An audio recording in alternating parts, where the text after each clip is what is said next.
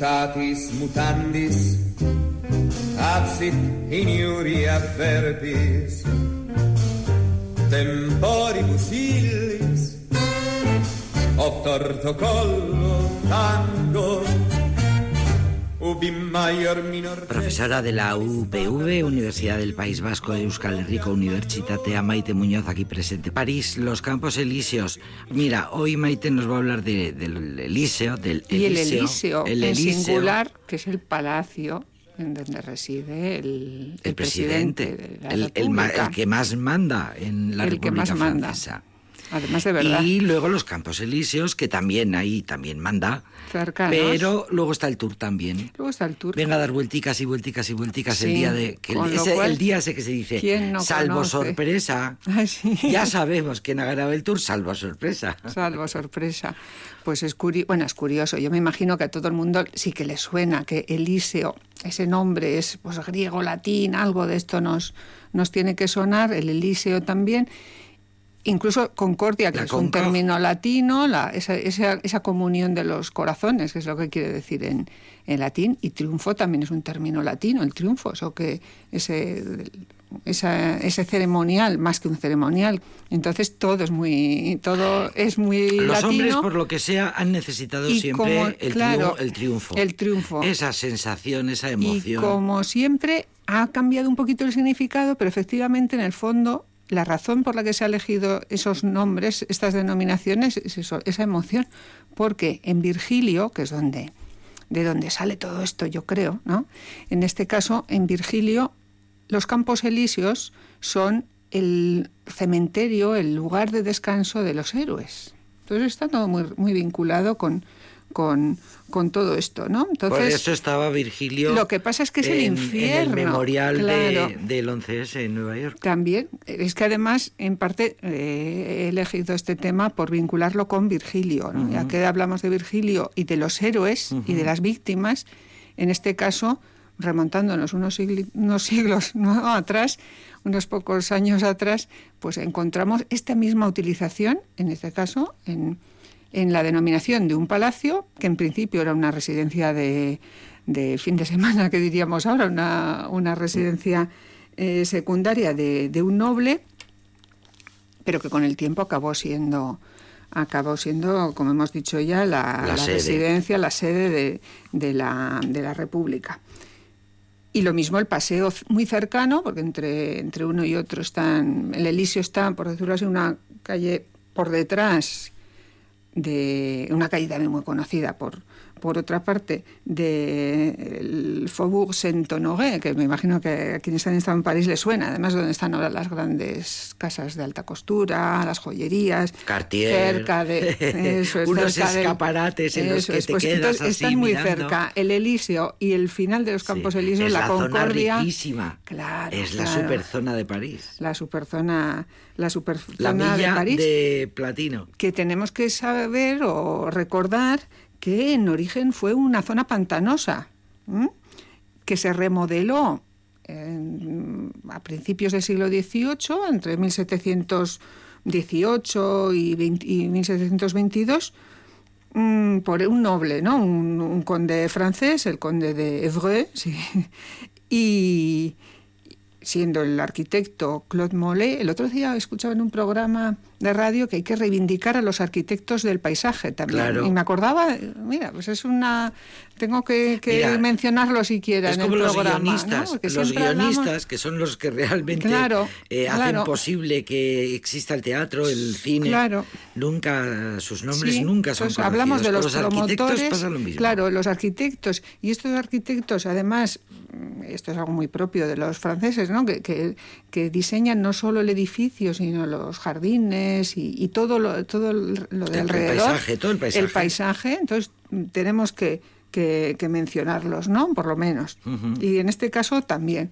Luego fue un palacio con, con en, poco tiempo consiguió tener mucha vida, ¿no? El, el, Elíseo, de tal manera que en él vivió la marquesa de Pompadour, que fue la que se lo legó a Luis XIV.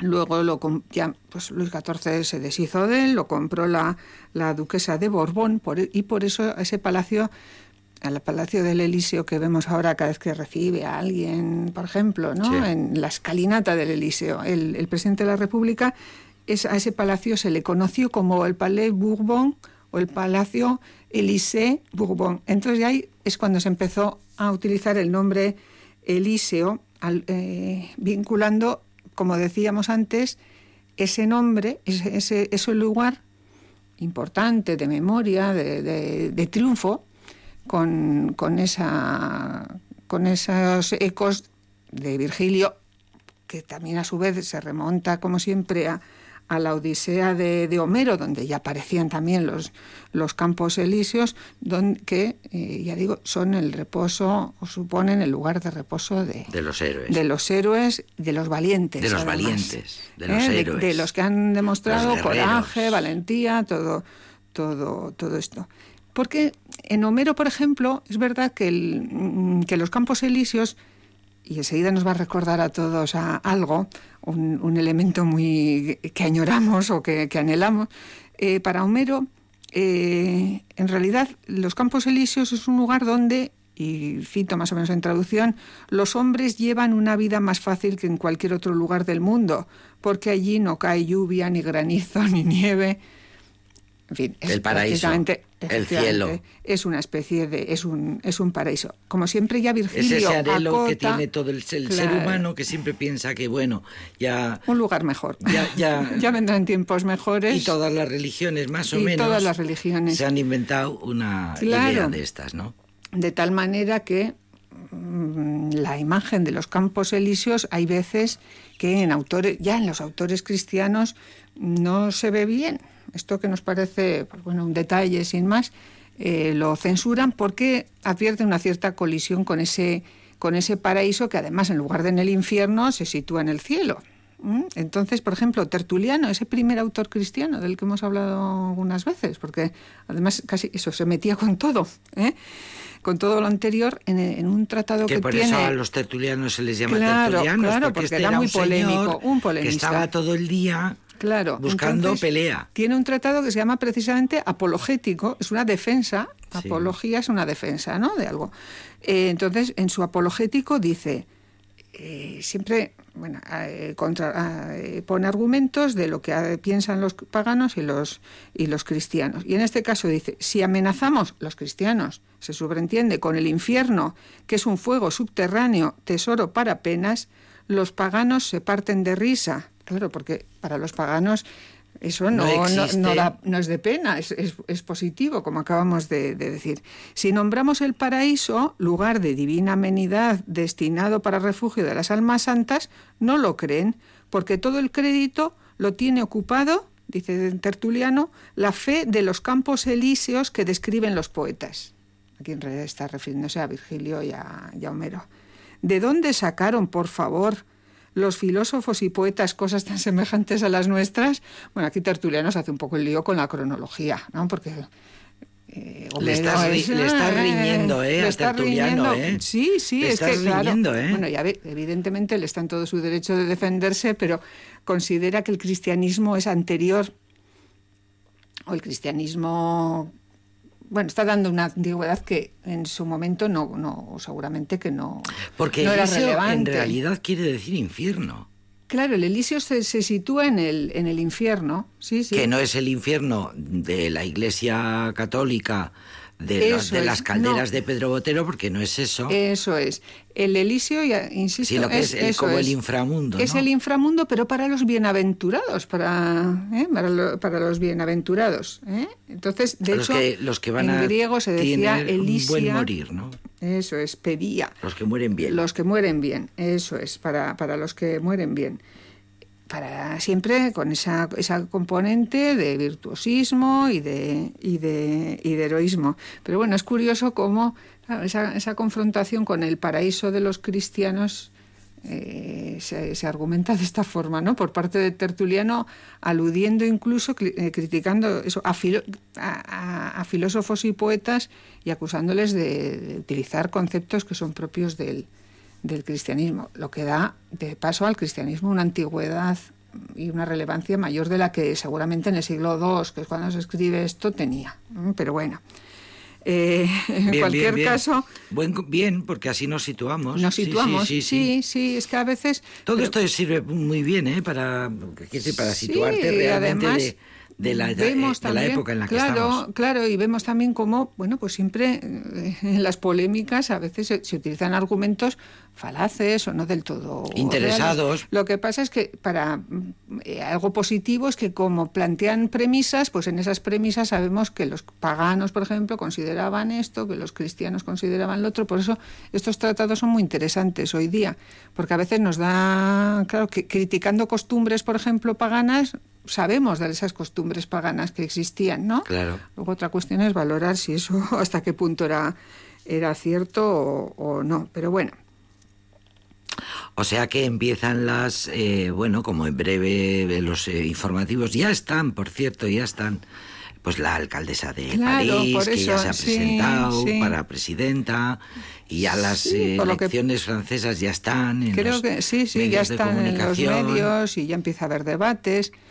Mm, Y bueno, Pues mira, en parte por eso habíamos, por eso, por eso en Por parte cierto, que siempre, en este tema. siempre traes, eh, hablando de, de, eh, los campos siempre traes eh, epitafios. Que es, sí, pues, claro, es que es que es mi especialidad. Y claro, prácticamente todos los temas acaban teniendo un reflejo en esos textos que son, lo repito, los epitafios, los poemas en los que la gente expresaba sus pensamientos y sus sentimientos. Entonces, claro, estamos hablando de un lugar paradisíaco, para los muertos, etcétera. Entonces es lógico que en la poesía funeraria latina aparezcan los campos elíseos y efectivamente aparecen. ¿eh? Y aparecen además mm, tendría que mirármelo un poquito más, darle otra otra vuelta, pero además tengo la sensación de que siempre en los es- siempre son muy elegidos los textos que, que traemos, quiero decir que no son habitualísimos, ¿eh? pero pero bueno, ya el hecho de que esté atestiguado es, es más que suficiente para nosotros. Pero em, tengo la sensación, ya digo, que muchos de estos textos que aluden a los campos elíseos que se desean para el, para el propio difunto, para el difunto cercano, son eh, epitafios de, de jóvenes y de jóvenes guapos. Porque prácticamente todo, vamos, todos estos pocos textos eh, se refieren a gente joven de la que en otros momentos del epitafio se, se ensalza su, su belleza. belleza. Incluso en el- hay un caso muy curioso que si quieres os leo en parte por lo es que menos. son- son unos un documentos padre- que no es que son documentos, claro, es que eso es literatura. de valor porque son- incalculable. claro, pensad además que son poemas. que Claro. Estaban escritos en hexámetro o en otros, a veces en otros metros, pero sobre todo en hexámetro. Entonces, eso ya es importante por sí y que un padre, por ejemplo, como en este caso, reconozca que el hijo es feito, que es feo, pues es una novedad también, ¿eh? Es, digo, son unos textos a los que yo creo que alguna vez cuando tenga tiempo les daré una, una vuelta. Y así inserta en este texto el padre eh, el, el motivo de los campos elíseos. Una, fu- una prudente virtud destacaba en tu pecho, más grande que tu edad y más grande también que tu tierra. Esta, tras serme arrebatado tú por la muerte en medio de fuertes dolores, a pesar de mi serenidad de espíritu, me hace niño que llore. Y tú estás tranquilo, mientras yo me atormento vencido por esta herida. Y con una belleza que no tuviste en vida, habitas en los campos elíseos. Es deseo de los dioses que quien lo haya merecido de una voluntad celestial disfrute de una belleza imperecedera. Dones que te aseguró, gracias a tu vida virtuosa, la indiscutible sencillez que un dios te infundió. En fin, Menudo el padre, texto es ¿eh? todavía más largo, pero Qué padre, ya veis. ¿eh? Es decir, es como que añaden este elemento, ¿no? Y ahora lo vuelvo, a- que lo he vuelto a leer, me, me reafirmo en ello, ¿no? Es que los campos elíseos te dan una belleza que no tenías. La muerte le hace bello. Eso es, la muerte le, hace bello. Es un pena, motivo la- muy, Es, precioso. muy original. Lo mismo que un epitafio, por ejemplo, de una niña. Sombras que descansáis apaciblemente, almas glorificadas de los bienaventurados, que habitáis los lugares sagrados del Dios de los infiernos. Llevaos al punto a vuestra morada a la buena Magnila, por entre los bosques y por los campos elíseos. Por un destino demasiado presuroso, fue arrebatada en su octavo año, cuando apenas empezaba a disfrutar de los buenos momentos de su corta vida. Hermosa y de una sensibilidad admirable, lista más de lo normal a su edad, bien parecida, amable y agradable en su trato siempre dulce. Otro padre. Este- otro este padre. es otro padre. Y este, en este caso es, es una niña, ¿no? La, la difunta, que no llegó a tener ocho años, una ni- niña de siete años, pero que era lista como ninguna, guapa. Bueno, es que eso, nos encontramos, como siempre decimos, ¿no? Con la, con la realidad. Por eso son, son textos que a mí además me parecen, bueno, la- las has comentado tú también, ¿no? Me parecen de, una, de un valor Tiene muchísimo eh, valor. excepcional. ¿de qué, de, qué, ¿De qué tiempo es esto? ¿De, de qué Pues estos son de, estos, estos, pueden eh, ser, estos son de época epitafios? imperial, alto pues pueden ser del siglo I después de Cristo, casi fíjate. todos. Hay algunos en Es este sentido del impresionante 1 antes de Cristo. O sea, en cualquier caso son sus- 2000 años. Eh, hace dos mil años, mira tú cómo los Claro. pa- dos padres expresan sus Sí, sí. sentimientos ante la muerte, Ante de, un- la muerte de una criatura, de un hijo y, pequeño. y son, son unos textos, ya digo, muy que suelen ser, se dice que son repetitivos, pero en realidad no hay ninguno exactamente No hay- igual que el otro, sí. ni siquiera Y has estos traído dos. varios al Y ya voy programa, ¿eh? trayendo y todos son distintos. Y cada mm, padre o cada, bueno, padre o autor de ese epitafio lo, lo, lo distingue del resto de alguna Bueno, claro, manera. habrá padres que encargaran. Estos serían encargos, Que encargaran seguramente, al claro. poeta. Pero bueno, pero siempre un- vemos al autor detrás, al autor, al primer autor. Sí que te imaginas al padre detrás, a, al- a quien encarga. Bueno, di que era, Sí. di que era, ¿no? Sí, sí, O sí, tal o cual. Yo, en el fondo, Que no se me vaya así. el otro tema que Ah, también sí, querías, Maite, sí. aprovechar para hacer eh, un recuerdo a un, a un maestro de Helenista, helenistas. efectivamente, de Decía yo en la de presentación que nosotros conocemos hoy. Sí, sí, que es eh, Luis eh, Gil Fernández, eh, que falleció con 95 años, es decir, ya no es un amor sin matura, sino que la suya ha sido una vida muy larga. Falleció el día 30 de, De de septiembre. septiembre. Han sido muchos los homenajes ya en prensa, entre los colegas. de Filología. Griega, Y- Universidad de Salamanca. y bueno, un humanista en el sentido más, más amplio de la, de la palabra, tiene todo tipo, ha tenido todo tipo de premios, eh, un humanista que además se dedicó mucho al periodo humanista, pero no exclusivamente humanista. Yo el primer trabajo que conozco de él, eh, que me impactó mucho, porque me pareció en su momento original del tema, es el de la censura en el mundo clásico. Y fue pionero, porque estos son trabajos de los años 60, 70, estos, estos, estos primeros, ¿no? O los antiguos y la inspiración poética, es otra de sus obras primeras y más, y más señaladas, pero ha trabajado hasta Obras antes de ayer, ¿eh? sí, sí, sí. Incansable. Su hermano es académico de la lengua, Juan Gil, y un gran estudioso de las palabras. Redescubrió el Archivo Nacional de Simancas. Por ejemplo, ¿no? Y encontró cartas en griego eh, de Felipe II, porque eso se dedicaba sobre todo al periodo humanista, ¿eh? después de unos primeros años en los Luis que se dedicaba Gil. al mundo al mundo griego. Entonces es, es eso, una gran vida. Bueno, vamos a pensar que está en Una los vida a campos término, muy rica. A término, muy rica. No es la amor sin matura que hemos visto en los en los otros en los otros textos. Es muy muy diferente. Ay, qué bonito. Pues qué bien, que nos pone al día en todo lo que tiene que ver Sí. con el mundo latino. Bueno, la caja clásico. de Pandora, estamos Ay, hoy. Bueno, bueno. Pero bueno, me lo imaginaba. que o sea, no- ya tenemos por lo tema. menos lo mencionamos. Ya Tenemos, tenemos tema, tema. Porque es una mala traducción. ¿A es quién se un- le ocurre ponerle a eso la caja de Pandora, por cierto? Pero se le quedó la esperanza en el fondo, ¿eh? Eso no salió. Entonces Bueno, vamos a pensar en la esperanza. Querida Maite Muñoz, te agradezco gracias. tanto. Gracias. Champs-Élysées.